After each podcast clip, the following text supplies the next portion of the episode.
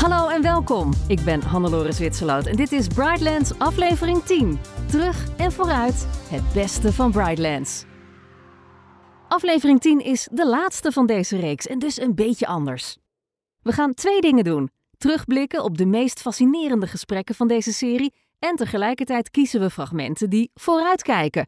Makkelijk, want Brightlands mensen werken voortdurend aan het Limburg, het Nederland en de wereld van morgen. Het zijn opbeurende verhalen van optimistische mensen die geloven in een maakbare toekomst.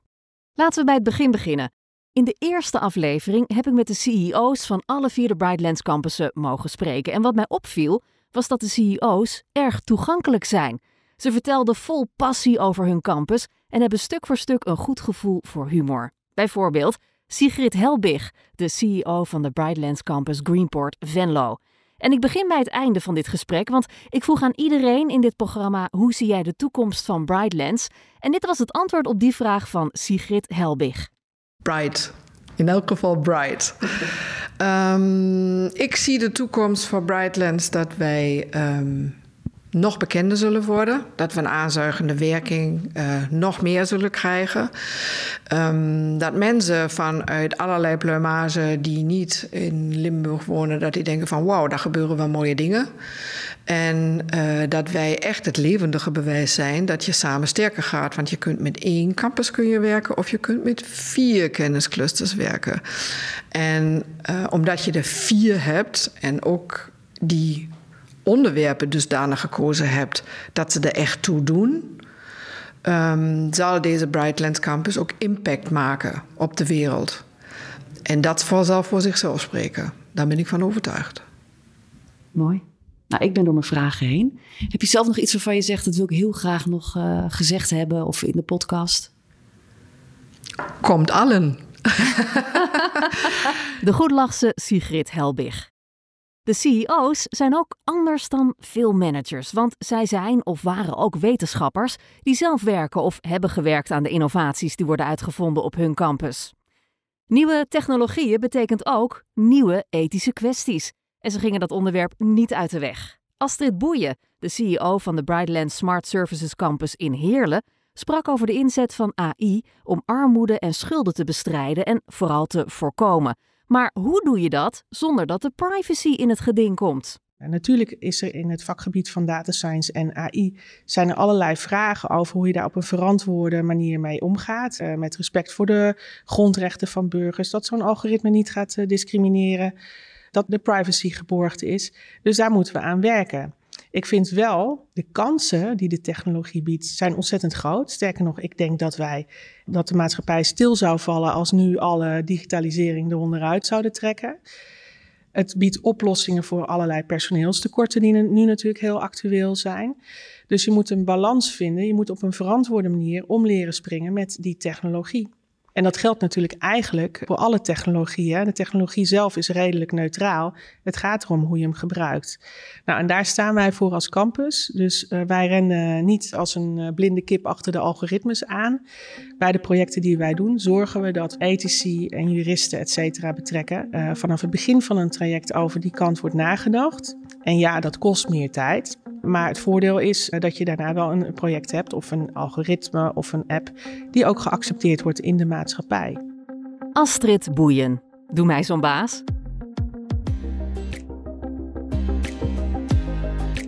Valorisatie, daar ging aflevering 2 over. Je hebt een verbluffende uitvinding, maar hoe breng je dat vervolgens op de markt? Het valorisatie-paradepaardje van Brightlands is Mosa Mosameat is echt meat. Het is vlees, gekweekt in een laboratorium. En er zijn hele bekende investeerders, zoals Leonardo DiCaprio. Mark Post is de Chief Scientific Officer en een van de oprichters van Mosameat. En tijdens het interview opperde ik dat Mosameat zo snel mogelijk op de markt moet komen. Want ja, de veeteelt kan zo niet veel langer doorgaan. Ja, je zou zomaar uh, uh, op de PR-afdeling van ons uh, bedrijf kunnen werken. Nou, um, alleen als ik elke dag een hamburger krijg, dan wil ik het overwegen. Nee, maar dat is natuurlijk zo. Dat is ook de reden waarom wij dit zijn begonnen. Ik ben dit niet begonnen omdat ik zo graag een bedrijf wil beginnen. Ik ben begonnen omdat ik vind dat dit nodig is en dat dit een positieve bijdrage levert aan inderdaad Het stikstofdebat was er toen nog niet, maar nu wel. Maar het was natuurlijk al wel duidelijk, al sinds 2008, dat dieren, nou, hoe moet ik dat zeggen, uh, veeteelt een enorme impact heeft op het milieu. En inmiddels is dat nu mainstream geworden. Hè? Mainstream kennis vind je in alle kranten. Maar we weten dit al heel lang eigenlijk. We weten dit al sinds 2008. er zijn natuurlijk ook wel andere oplossingen. Maar dit is wel, denk ik, een oplossing die het voor ons allemaal mogelijk maakt om vlees te blijven eten. En dat heeft ook zijn positieve kanten. Niet alleen maar omdat we het lekker vinden, maar ook de voedingswaarde, de verzadiging die je ervan krijgt. En het is natuurlijk ook gewoon, ja, we willen allerlei verschillende dingen op ons bord. Dus het zou een beetje vervelend zijn als we ons moeten beperken in die keuzes. Ja, in dat opzicht is het denk ik wel een hele belangrijke ontwikkeling. En ehm, vind ik ook dat het langzaam gaat. Ik had ook liever dat een paar jaar eerder gehad. Maar ja. Tuurlijk. Nou goed, twee jaar is nog te overzien, denk ik dan. Ja. Dan hadden we het net al hè, over die ene beroemde investeerder. Maar er is er nog één waar ik het over wil hebben. Leonardo DiCaprio. heb je met hem een hamburger gegeten? Uh, nee, nee. Sterker nog, ik heb hem nooit ontmoet. Uh, dus dat is, oh, uh, nee, dat is heel jammer. Maar het is niet anders. Mag ik er echt niet eentje proberen? Nee, dat ik zal mag het dus, niet verder vertellen. Nee, dat mag dus niet. Nee, nee echt niet. Um, of dit te laten proeven. Heb je het zelf eens gegeten eigenlijk? Natuurlijk. Ja, maar dat was ook eerlijk gezegd illegaal. maar wij mogen dit niet laten proeven zolang het niet goedgekeurd is door de Europese Voedsel- en Warenautoriteit. Er is dus onlangs een motie aangenomen door de Tweede Kamer dat we onder zeer gecontroleerde omstandigheden uh, wellicht proeverijen mogen organiseren. Nou, mocht je tegen die tijd mensen zoeken, dan uh, hou ik me aanbevolen. Oké, prima. ik kan heel goed eten. We zetten u op een lijst. Dankjewel. Nou echt, zodra die gekweekte hamburgers op de markt verschijnen, sta ik vooraan in de rij. Echt, wat geweldig zou het zijn als dit lukt. Voor de mens en voor de dieren. En over belangrijke uitvindingen gesproken. Ik heb in aflevering 2 ook Peter Peters geïnterviewd. Hij is CEO bij Cryosol World en professor nanobiologie aan de Universiteit Maastricht.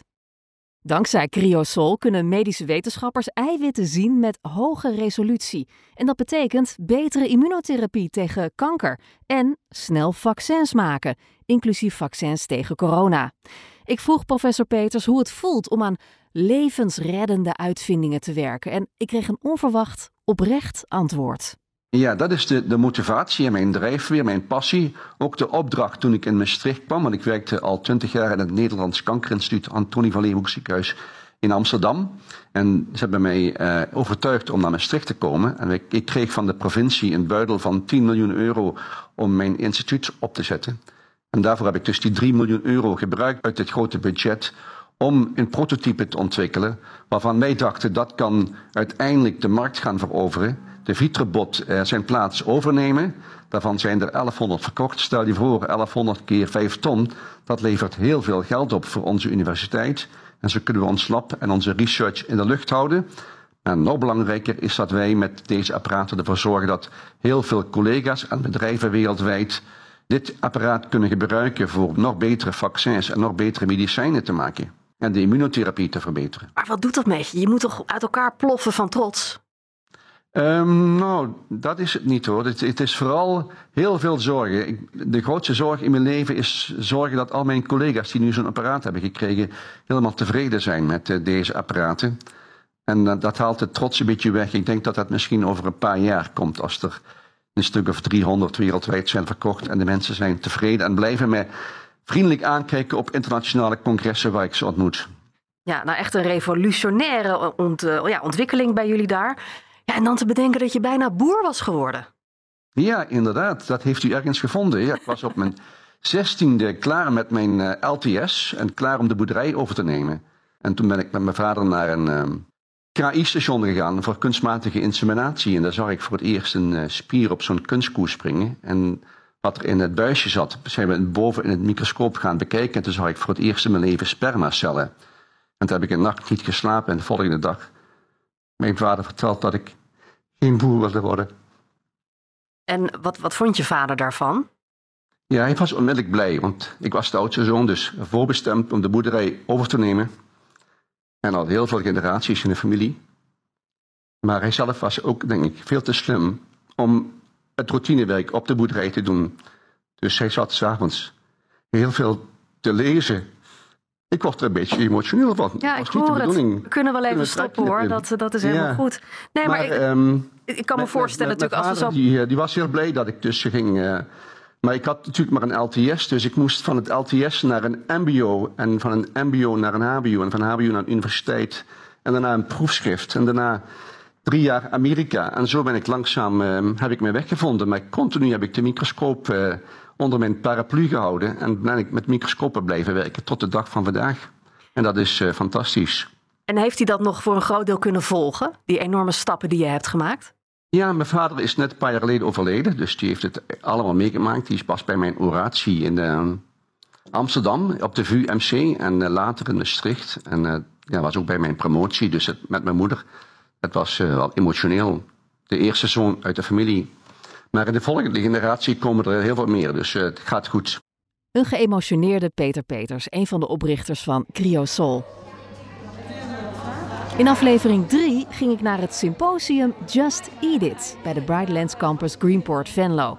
Ik kreeg een geweldige rondleiding, maar het allerleukste was de kookwedstrijd. Verzorgd door de Kids University for Cooking, Cockerelli.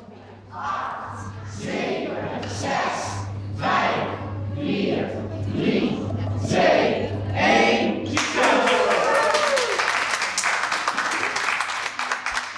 Ja, en acht kinderkoks nemen nu plaats ja, in deze grote kookruimte. Hele grote keuken is het eigenlijk, met allerlei verschillende kookeilanden. Ze hebben allemaal een koksmuts op.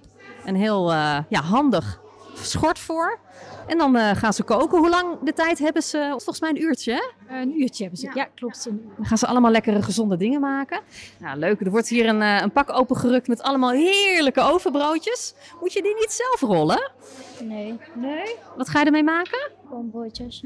Gewoon broodjes. Nou, dan heb jij het niet zo moeilijk vandaag. Succes!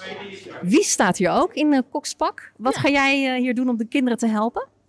Ja, ik probeer ze gewoon te ondersteunen met misschien iets meer helpen snijden, iets afwassen, wat hun willen. Dus dat ze net wat fijner werken en wat rustiger misschien. Ja. ja. En ook een beetje let op de veiligheid misschien, want Precies. ik zie hier ook met allemaal messen waarmee wordt gezwaaid ja. op dit moment. Ja, misschien hebben ze thuis al goed geoefend, maar inderdaad uh, met een klein oogje meekijken ja. kan geen kwaad. Ja, en hier nog twee finalisten. Die beginnen meteen brood te snijden. Lana en Roos, zie ik. Mogen jullie thuis ook in de keuken staan om dingen klaar te maken? Uh, ja. Ja, meestal wel. Ja. We hebben gisteren nog afgesproken en hebben hetzelfde gerecht gemaakt bij mij thuis. Om even te oefenen, wat slim. Ja, ja. En waarom gaan jullie winnen vandaag? Omdat het een heel origineel en gevarieerd gerecht is. Wat, wat gaan jullie maken? Um, een soort van Caesar salad salade. Wauw. Nou, dat klinkt nu al heerlijk. En dit worden dan zeker de croutons? Ja. ja. ja. Ik weet wel iets van koken, hè? Maar dit moet toch wel de oven in en je gaat nu allemaal stukjes brood snijden. Dat is wel een heel werk. Kan je croutons niet gewoon beter in een zak kopen in de supermarkt?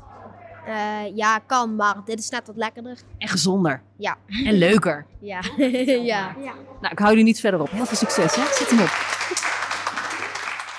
Ja, zo leuk.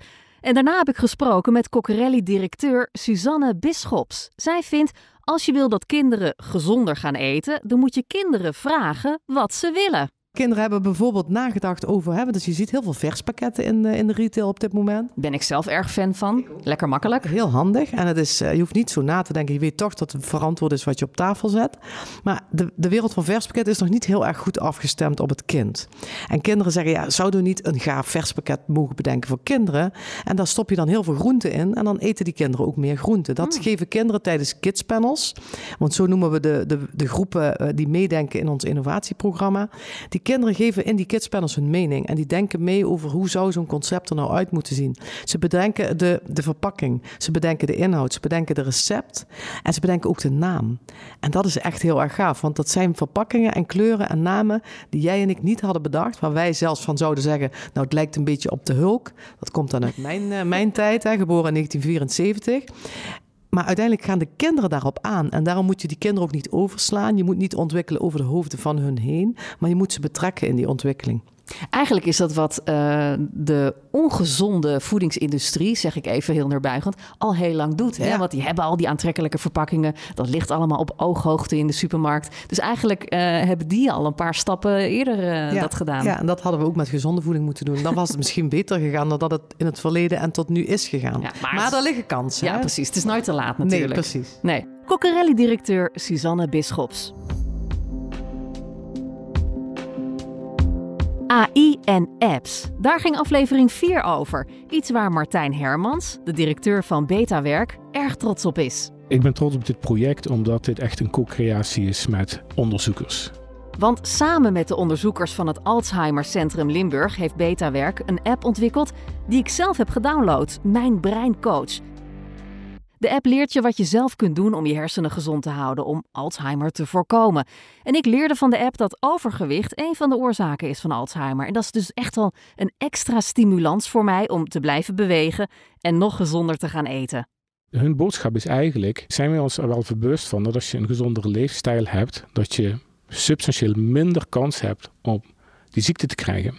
Ja, want dat viel me wel op aan de vraag inderdaad. Wat ging bijvoorbeeld over alcoholgebruik, over sporten. Ik snap dat je brein daar beter uh, of gezonder door blijft. Ja. Maar inderdaad, dat, dat die paar kilo extra ook invloed hebben, dat wist ik niet. Ja, nou ja, precies. Uh, dus als je het hebt over wetenschapscommunicatie. Kijk, dit is Alzheimer Centrum Limburg die, laat ik zeggen, het onderzoek hebben gedaan. Er is aangetoond, wetenschappelijk aangetoond, dat daar een verband ligt tussen uh, de kans op Alzheimer en je gezonde levensstijl. En dan vervolgens proberen ze een maatschappelijke bijdrage te leveren en dat heeft aan de ene kant een stukje bewust zijn van, goh ja, maar goed, een aantal onderdelen van mijn levensstijl heeft dus van invloed op, op mijn kans op die ziekte. Maar vervolgens ook kijken, oké, maar we hebben ook een aantal handvatten om jou te helpen om die levensstijl te verbeteren. Dus ik denk dat je het in zijn geheel op die manier uh, moet bekijken. Wie had gedacht dat Alzheimer-organisaties zich gaan, laat ik zeggen, je willen adviseren over je leefstijl. Op een leeftijd waarin je misschien nog helemaal niet denkt, nog helemaal niet bezig te moeten zijn met die ziekte. Kijk, en dan is het aan ons om dan, als we dat dan ontwikkelen, ja, om het een goed werkende app te laten zijn, om ervoor te zorgen dat jij inderdaad goed geholpen wordt. Als je dat wil, hè, die volgende stap om je leeftijd te verbeteren. En aan de achterkant, dat levert ook weer onderzoeksdata op, die Centrum Limburg dan weer helpt om uh, ja, in, in, in, hun onderzoeksprogramma. Ja, want die vraag kreeg, kreeg ik ook na afloop van mogen deze data gedeeld worden? Ik denk, tuurlijk, gooi lekker maar in de cloud met z'n allen. nou ja, wel een beveiligde cloud, hè, want dat is een andere verantwoordelijkheid die wij steeds meer krijgen en ook nemen. Het is ook het begeleiden en het adviseren van je klanten. En of dat nou een, maakt niet uit wie dat is.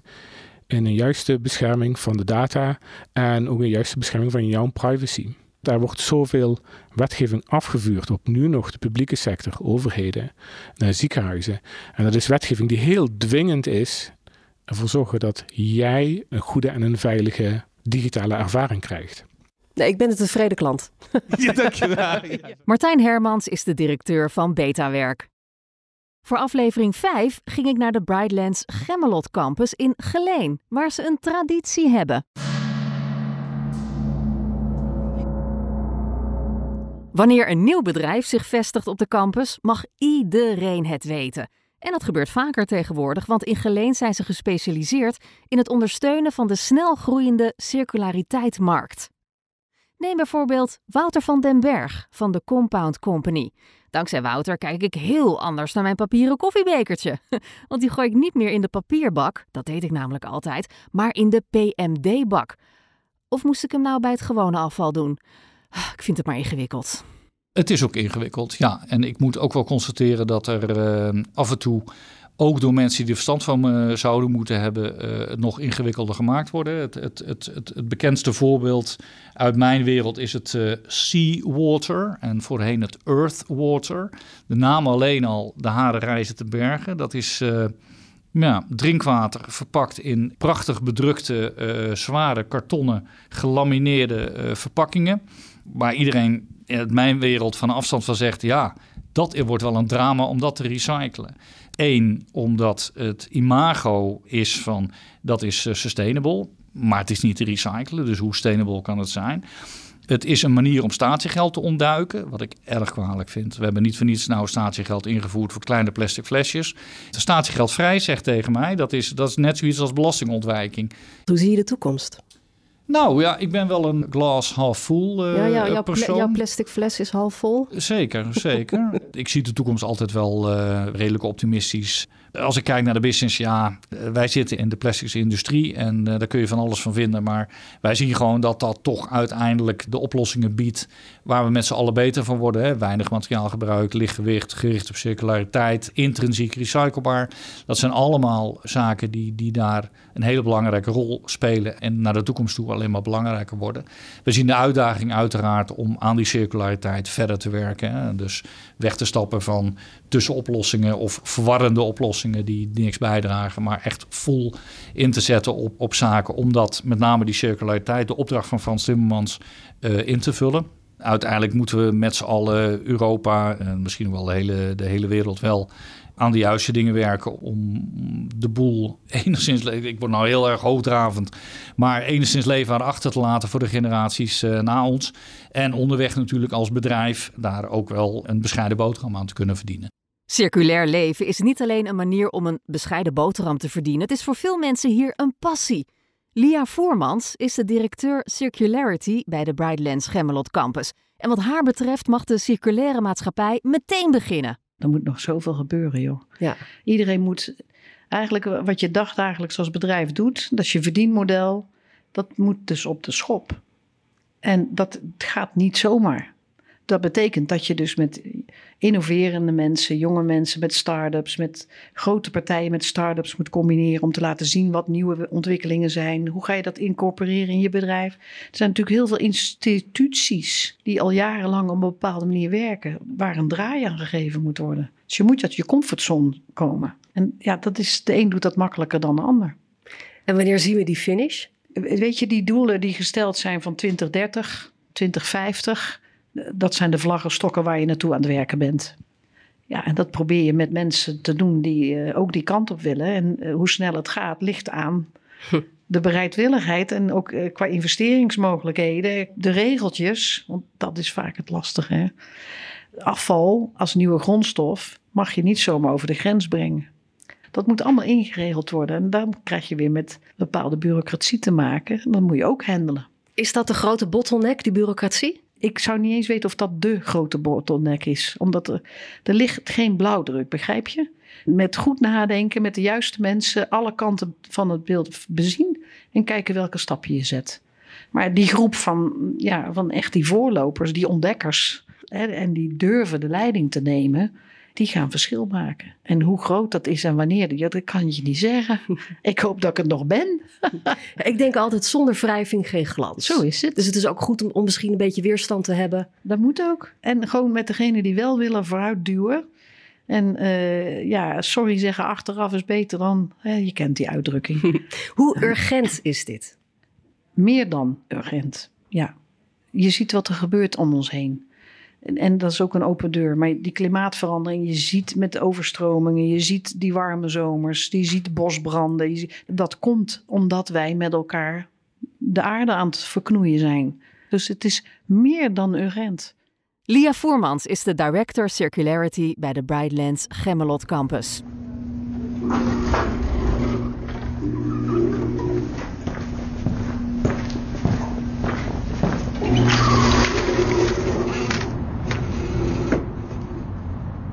Voor aflevering 6 mocht ik weer naar de Brightlands Campus Greenport Venlo op zoek naar de toekomst van voeding. Wat superleuk, interessant en vooral lekker was dat. Want als je door de campus loopt, kom je uitvinders tegen met snacks. Paul Geurts, de RD-operator van het bedrijf MyFood, stond ergens in het midden van het gebouw naast een soort megamixer met allerlei repen. Ja, en ik vroeg hem natuurlijk of ik er eentje mocht proeven. Jij wel. Ja? Tuurlijk. Oh, wat tof. Nou, graag. Ik ben benieuwd. Dan heb ik in één keer mijn uh, groente en fruit van vandaag binnen, toch? Ja. Leuk. Hoe is het om hier zo midden op die campus te zitten? Want ja, er gebeurt hier van alles. Ja, ik vind het uh, zelf erg leuk, omdat je zelf sneller in contact komt, ook met andere bedrijven. Je hoort wat hun doen in innovaties. Wij zijn bezig met innovaties. Ik denk dat het een soort uh, kruisbestuiving is onderling. Dus ik stel me zo voor, jij ging bij de koffieautomaat staan en je zei, ja, ik ben met smoothies bezig. En toen zei iemand anders, ja, maar ik wil geen smoothie, ik wil een reep. En toen dacht jij, dan gaan we een reep maken. Ja, zo is het eigenlijk wel een beetje ontstaan, ja. Dus eigenlijk vanuit de, de klantvraag van, uh, kan het niet makkelijker dan iedere keer zo'n flesje mee? En daar zijn we eigenlijk een beetje uh, begonnen met het ontwikkelen van die reep. En dat loopt nu nog steeds, zoals je kunt zien achter mij. Nou, ik, ik wil een hapje. Ik ben benieuwd. Nou, dat was lekker hoor. Zo'n uh, smoothie vermomd als reep. En het idee dat je iets gezonds eet, dat is sowieso top natuurlijk. Maar weet je wat nog lekkerder is? Chips. Daarom ging ik praten met Art Muizenberg. Art is de 26 jaar jonge directeur Business Development en Innovation bij Sudriso Group. Hij is vastberaden onze wereld een stukje beter te maken door groenteafval om te toveren tot supergezonde chips. Denk aan bijvoorbeeld een uh, paprika waar een, uh, die net niet helemaal perfect is, die, die scheef is. Of een, of een tomaat die niet helemaal mooi rond is. Die de consument in de supermarkt dan liever niet koopt. En die anders wordt weg, weggegooid. En dat is eigenlijk hartstikke zonde. Terwijl het eigenlijk gewoon een hartstikke goede tomaat is. Qua smaak en, en, dat soort zaken. Dus die kunnen we eigenlijk ideaal in ons proces gebruiken. Dus het zijn lokale producten die de consument niet bereiken. Omdat ze net een beetje mislukt zijn. Maar die kunnen jullie dan prima verwerken tot chips. Precies. En waarom zijn deze beter dan gewone chips? Ik, kan het, ik voel het zelf al een beetje aankomen. Ik denk bijvoorbeeld al omdat ze niet gefrituurd worden. Dat is al beter. Dat is uh, het primaire voordeel. Dus er zit, uh, uiteindelijk als je een product frituurt, dan uh, wordt er vaak vet aan toegevoegd of andere smaakmakers zoals zout en dergelijke. Die voegen wij helemaal niet toe, want dat is niet nodig. We krijgen dus een, een knapperig eindproduct zonder dat te doen. Daarnaast concentreert onze technologie eigenlijk ook de, de natuurlijke smaken die in een product zitten. Waar je normaal zout gebruikt om de smaak van een product te versterken, concentreren wij gewoon de natuurlijke smaakmakers die daarin zitten. En is dat niet nodig? Er zit geen zout in, geen vet in, geen suiker in onze producten, maar het smaakt eigenlijk net zo goed. En wat zit er dan wel in aan gezonde stoffen? Vitamine, mineralen, uh, eiwitten en vezels. En die zijn eigenlijk om allerlei redenen ja, gezond voor je. In tegenstelling tot uh, wat vaak in uh, snackproducten te vinden is. Nou, als ik jou hoor praten, denk ik, ik ga nooit meer iets anders eten. Art Muizenberg. Kan iemand mij even bellen zodra deze chips in de supermarkt liggen?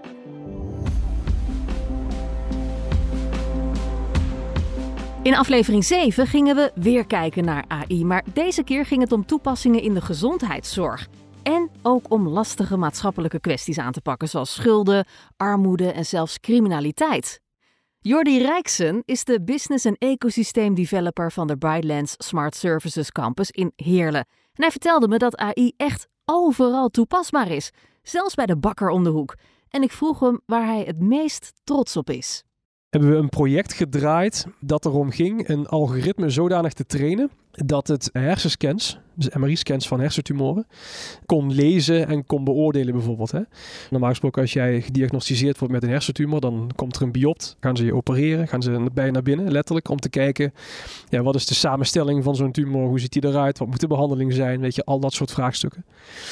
En met dat algoritme eh, zou dat deel dus bespaard kunnen blijven. Hè, dan zou je dus op basis van een, van een MRI-scan, die je dan voorlegt aan een algoritme, kunnen ja, laten zien, oké jongens, op basis van deze beelden is dit een, tumor van die en die graad, die en die cellen in, dan moet je die die behandeling op loslaten. Dus je krijgt een enorme soort database. En aan de hand daarvan kun je dus uh, ook voorspellen uh, hoe je iets het beste kan aanpakken. Het punt is, je hebt natuurlijk, als je zo'n algoritme wilt trainen, heb je gewoon ontzettend veel data, in dit geval beelden, nodig van verschillende ziekenhuizen. En die heb je niet zomaar voorhanden. Daar zitten allerlei vraagstukken aan vast. En dan kom je op meer in de ethische hoek terecht en ook in de privacygevoelige hoek. En in dit geval, in dit project, hebben we met een ziekenhuis of 4, 5, hebben we gekeken hoe we dit uh, traject zouden kunnen doorlopen. Hoe kunnen we op een goede manier en een privacybestendige manier met elkaar gedeeld kunnen worden. Zodanig dat dus dat algoritme uh, goed getraind kan worden en dus ook gewoon ja, tot de gewenste uitslagen komt. Nou, dat is natuurlijk een heel gaaf project. Dat ook natuurlijk zijn weerga heeft op de mens zelf. Tuurlijk, want doe je dit gaat niet over personeelsverlopen uh, of uh, inkoop nee. van, van croissantjes. Dit gaat om mensenlevens redden de claim die je wel kunt maken is dat je op die manier wel een bijdrage levert aan een efficiënter proces hè, voor de patiënt, maar ook voor de arts. En hopelijk gewoon ook een betere behandeling. En uiteindelijk, hè, als je dat dus kunt doorberedeneren, ja, dan kom je uit bij hopelijk ook mensenlevens redden. Maar dat is dus een claim die je vanuit deze hoek nog niet kunt maken. maar ik kan me voorstellen dat je daar trots op bent nogmaals, het is gewoon echt een project uh, waar de mensheid ook echt iets aan heeft natuurlijk. Waar je alleen maar kan hopen dat dit soort dingen alleen maar ja, meer gaan gebeuren, zodat die zorg ook een beetje ontlast wordt en dat mensen gewoon sneller en gerichter geholpen kunnen worden. Hoe zie jij de toekomst? Als dit allemaal doorontwikkeld is, ook vanuit de overheid gezien veel meer met dit soort technologie kunnen gaan werken, zodat we de mensen hier in het land, de burgers, beter kunnen helpen met verschillende vraagstukken. Al die crisissen die nu ontstaan. Ik denk dat je die in de toekomst zou kunnen voorkomen of zelfs zou kunnen oplossen met de inzet van de technologie die hier ontwikkeld wordt bijvoorbeeld. Ja, dat dat soort dingen het leven een stukje beter kunnen maken in elk geval. Jordi Rijksen, Danny Timmermans is de innovatiemanager bij het Politie Innovatie Lab, oftewel e-lab. En het e-lab gebruikt AI om misdaad op te sporen en te voorkomen. En tijdens dit gesprek had ik steeds beelden van cybercops en zelfs Robocop en de Terminator. Arnold Schwarzenegger. op mijn netvlies. Hoezeer Danny ook probeerde uit te leggen dat het echt niet zo ver gaat komen. Integendeel zelfs. Ethische kwesties spelen een hele grote rol de kritische noot rondom innovatie. Hè? Dus eh, innovatie, zeker in experimentele omgevingen, daar kan heel veel. Mensen zijn super enthousiast daarmee bezig. Ze zijn creatief. Maar ja, je moet ook wel scherp blijven op, en ik noem maar heel even de businesskant. Hè? Dus budgetten, maar wat jij nu ook zegt, privacy en ethiek, dat is wel iets dat wij vanaf eigenlijk de start van een project, eigenlijk waar dat nog een idee is, al meenemen. Is dit veilig? Mag het volgens de huidige wetgeving? Maar anders, als het mag, willen we het dan ook wel. Hè? Dus met andere woorden, willen wij met dat soort technologie aan de slag gaan. Bijvoorbeeld gezichtsherkenning is een heel sprekend voorbeeld van. Ook wij willen daar aan experimenteren daarmee. Maar hoe gaan we dat dan inzetten? Er zijn genoeg voorbeelden, uh, volgens mij wel bekend hoe China het doet. Nou ja, daar kun je van alles van vinden. Maar wat we in ieder geval wel vinden is, nou, die politie willen wij niet zijn. Dat is niet de Nederlandse politie om die technologie zo in te zetten. Ook al hebben we hem tot onze beschikking. Wij noemen dat die ethische reflectie. Telkens afvragen, ben ik nog goed bezig? Willen we dit nog wel? Wat vindt de burger hiervan? Nou ja, dat nemen we wel mee in ons heel project, zeg maar. Als we nou even uitzoomen, hè? politie, mhm. technologie, AI, het is inmiddels allemaal onlosmakelijk met elkaar verbonden. Tot slot, hoe zie je de toekomst van jouw bedrijf? Waar wij nu aan het werken zijn binnen de, hele nationale politie, is dat, dat innovatie naar het volgende niveau tillen. Zo'n iLab hier, dat moet komend jaar, ook binnen deze campus, doorgroeien naar een viertal centra's in het land. Dus dat iLab ook, dat gaan we komend jaar doorontwikkelen naar wat we nu nog noemen een Smart Safety Center. Waarin we veel meer de verbinding opzoeken met nog meer andere overheidspartijen. Waar we veel meer de krachten gaan bundelen. Ik moet denken aan een defensie, TNO onderzoeksinstituut of bijvoorbeeld een universiteit. Dat je meerjarige programma's gaat draaien op wat we met z'n allen willen bereiken. Want vaak hebben we toch wel ook binnen de overheid hè, of in de publieke veiligheid, zo moet ik het zeggen toch wel vaak dezelfde vragen en kunnen we beter onze krachten bundelen. En daar speelt Brightlands een hele grote rol in om al die partijen zeg maar ook samen te krijgen. Dat ze alle de neuzen in dezelfde richting zeg maar. En in de toekomst misschien een Robocop? Niet. niet. Nou ik, heb, ik heb de films ooit voor gezien en ook niet dat we die kan. nou, als hij eruit ziet als Arnold Schwarzenegger. misschien, dat, ja, misschien te ver, nee. I'll be back. ja. Sorry, kon hem niet laten. ja, gekkigheid natuurlijk. Ik vond het vooral een zeer geruststellende gedachte dat niet alleen de criminelen cybertechnisch steeds beter worden, maar de politie ook.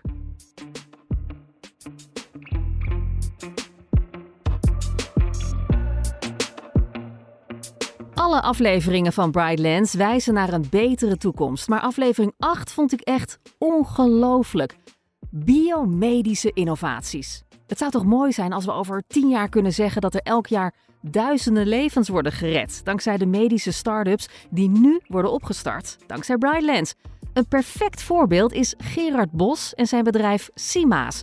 Zij zijn bijna klaar om veel kankerpatiënten meer jaren te geven met behulp van killercellen. Ja, de killercellen worden onderdeel van de totale behandeling. Wij beginnen bijvoorbeeld bij de ziekte van leukemie en de verwachting is dat we volgend jaar na 20 jaar onderzoek en 7 jaar bedrijf op poten zetten, dat we volgend jaar de eerste klinische studies kunnen doen. Dat gaan we bij acute leukemie doen. En mensen met acute leukemie is de bestaande behandeling onvoldoende goed. Komt de ziekte weer terug of de behandeling helpt helemaal niet. En wij verwachten dat die killercellen een bijdrage kunnen leveren aan de totale behandeling, waardoor de genezingskans eh, groter wordt. En waarom richten jullie je vooral op leukemie? Ik ben van origine getraind als internist-hematoloog, dus specialist uh, bloedziekte. Dus daarom gaat onder andere de aandacht uit naar die leukemie. Maar in het verlengde daarvan zijn we ook heel actief, onder andere met subsidie van Health Holland via het KWF naar borstkanker, waar we ook al heel lang geleden aanwijzingen vonden dat die killercellen actief tegen borstkanker kunnen zijn. Dus het is niet alleen leukemie, maar het begint met leukemie. En de reden dat we daarmee beginnen is dat collega's in Amerika, waarmee we intensief samenwerken en hebben gewerkt, eigenlijk al hebben laten zien dat die killercellen het kunnen doen tegen leukemie. Dat mensen minder kans hebben na een behandeling met killercellen dat de ziekte terugkomt. Wauw, de inhoud van dit gesprek was voor mij echt baanbrekend en ja, hoopvol. Want wie weet hoe ver we binnenkort zijn met het genezen van diverse soorten kanker. Mijn laatste gast in deze terugblik wordt Murk Peuts, de CEO van Brightlands Life Science Ventures. Je hebt hem al vorige week gehoord in aflevering 9 toen we het hadden over investeerders. Wat je nog niet hebt gehoord is zijn antwoord op de vraag: hoe zie jij de toekomst? Dit was zijn antwoord. Die wetenschap is enorm aan het, veranderen. En die zorgt er eigenlijk voor dat wat ik net zei over die, over die cellen. En dus dat je dus ehm, dat heet dan regeneratieve geneeskunde. Dus dat je, dat je niet meer alles hoeft weg te snijden, maar dat je met stamcellen gewoon delen van je lichaam. Als je nou last hebt van je kraakbenen en je hebt artrose en zo over 10 jaar, over 20 jaar. Die eerste behandelingen zijn nu al, worden nu eigenlijk al uitgeprobeerd. Dan regenereer je dat kraakbeen. Dus dan heb je niet meer die pijn en dergelijke. Maar als je er op tijd bij bent, dan hoef je dat niet meer te opereren. Nou, ik loop zo even een deurtje verder dan. Nee, precies. En, dat is, en dat is, dit is geen science fiction meer. Hè? Dus de eerste therapieën worden al uitgeprobeerd. Hè? Worden in Amerika al, al in de FDA eh, wordt er al goedkeuring gevraagd. En dat betekent dus dat er allerlei bedrijven gaan ontstaan rondom zo'n ziekenhuis. Die allerlei therapieën die met jouw cellen bezig gaan of met algemene cellen. Waarmee je onderdelen organen van je, van je lichaam of delen van je lichaam kunnen namaken, die dan weer eh, teruggeplaatst worden. In plaats van dat je alles wegsnijdt of pillen gebruikt die ergens in Amerika worden gemaakt, veel meer lokaal rondom die ziekenhuizen allerlei nieuwe therapieën gaan ontstaan. En dat is voor die campus. Dus je vraagt me hoe is die toekomst. Dat is nou juist heel mooi dat we daar met die Brightons Campus daar de plek voor hebben, maar ook de expertise en de financiering kunnen vinden voor dat soort bedrijven, die dan heel mooi inhaken op die nieuwe ontwikkelingen waar we naartoe gaan. Dus we maken mensen gezonder en we maken de planeet ook een stukje gezonder. Heb je zelf nog iets waarvan je zegt van oh, dat zou ik heel graag nog willen toevoegen? Als je hier naar buiten kijkt, zie je die A2. Hè? Dus iedereen kent Maastricht, want ze gaan, als je op vakantie gaat, dan rij je hier altijd langs richting Spanje of wat dan ook. En mijn droom zou zijn dat je hier over een paar jaar de A2 naar het zuiden langs rijdt en dat je die mooie laboratoria en die mooie gebouwen ziet staan waar je zo doorheen kan kijken, waar je mensen met witte jassen bezig ziet met de therapieën van zeg je, kijk opa, er wordt je nieuwe knie gemaakt. Ja, en kinderen achter in de auto zitten en zeggen, ja, dat wil ik ook. Dus ik ga ook studeren in Maastricht of waar dan ook. En ik ga hier in een spin-off werken en mensen beter maken met nieuwe technieken en nieuwe technologieën die we hier ontwikkelen en tot de markt kunnen brengen. Dus dat is mijn droom. Zo'n campus heeft natuurlijk ook een beetje die fysieke uitstraling. Als je er dan aan langs loopt van ja, hier gebeurt wat. Dat, dat is hartstikke gaaf. Het is nu al zo, je ziet die gebouwen nu al. Maar het zou mooi zijn als we dat uh, op die manier kunnen laten zien. De toekomstvisie van Murk Peuts voor Brightlands.